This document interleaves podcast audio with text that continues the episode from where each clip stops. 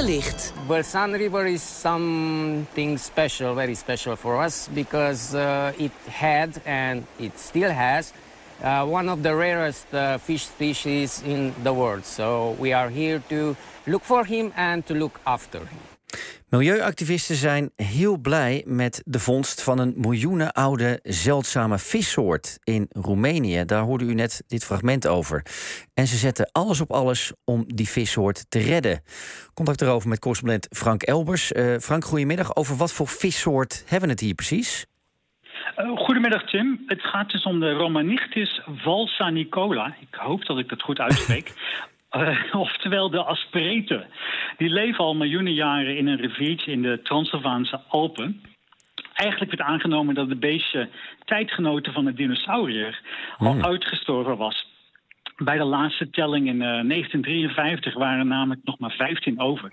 En sinds die tijd is eigenlijk niet meer omgekeken naar de aspreten.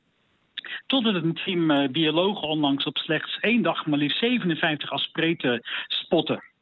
Tja, uh, opmerkelijk. Zeker als je ervan uitgaat dat hij bijna was uitgestorven. Um, maar waarom is het zo belangrijk, uh, Frank, dat hij is gespot en, en dat deze diersoort uh, gered wordt?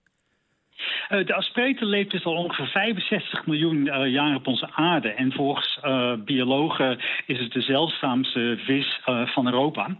Maar in de afgelopen decennia heeft menselijke activiteit ze op de rand van uitsterven gebracht.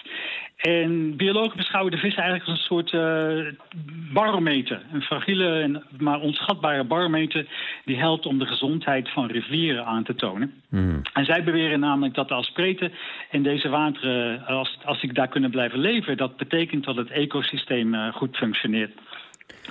Uh, de belangrijkste reden voor het bijna uitsterven van de aspreten is dus menselijke activiteit. En uh, kennelijk doen we nu als uh, mensheid eens een keertje iets goed. Goed te zien dat deze vis uh, in elk geval dus nog blijkt te leven. Ondanks dat hij al miljoenen jaren blijkt te bestaan. Dank Frank Elbers. meer over deze vis kunt u trouwens lezen op nporadio1.nl.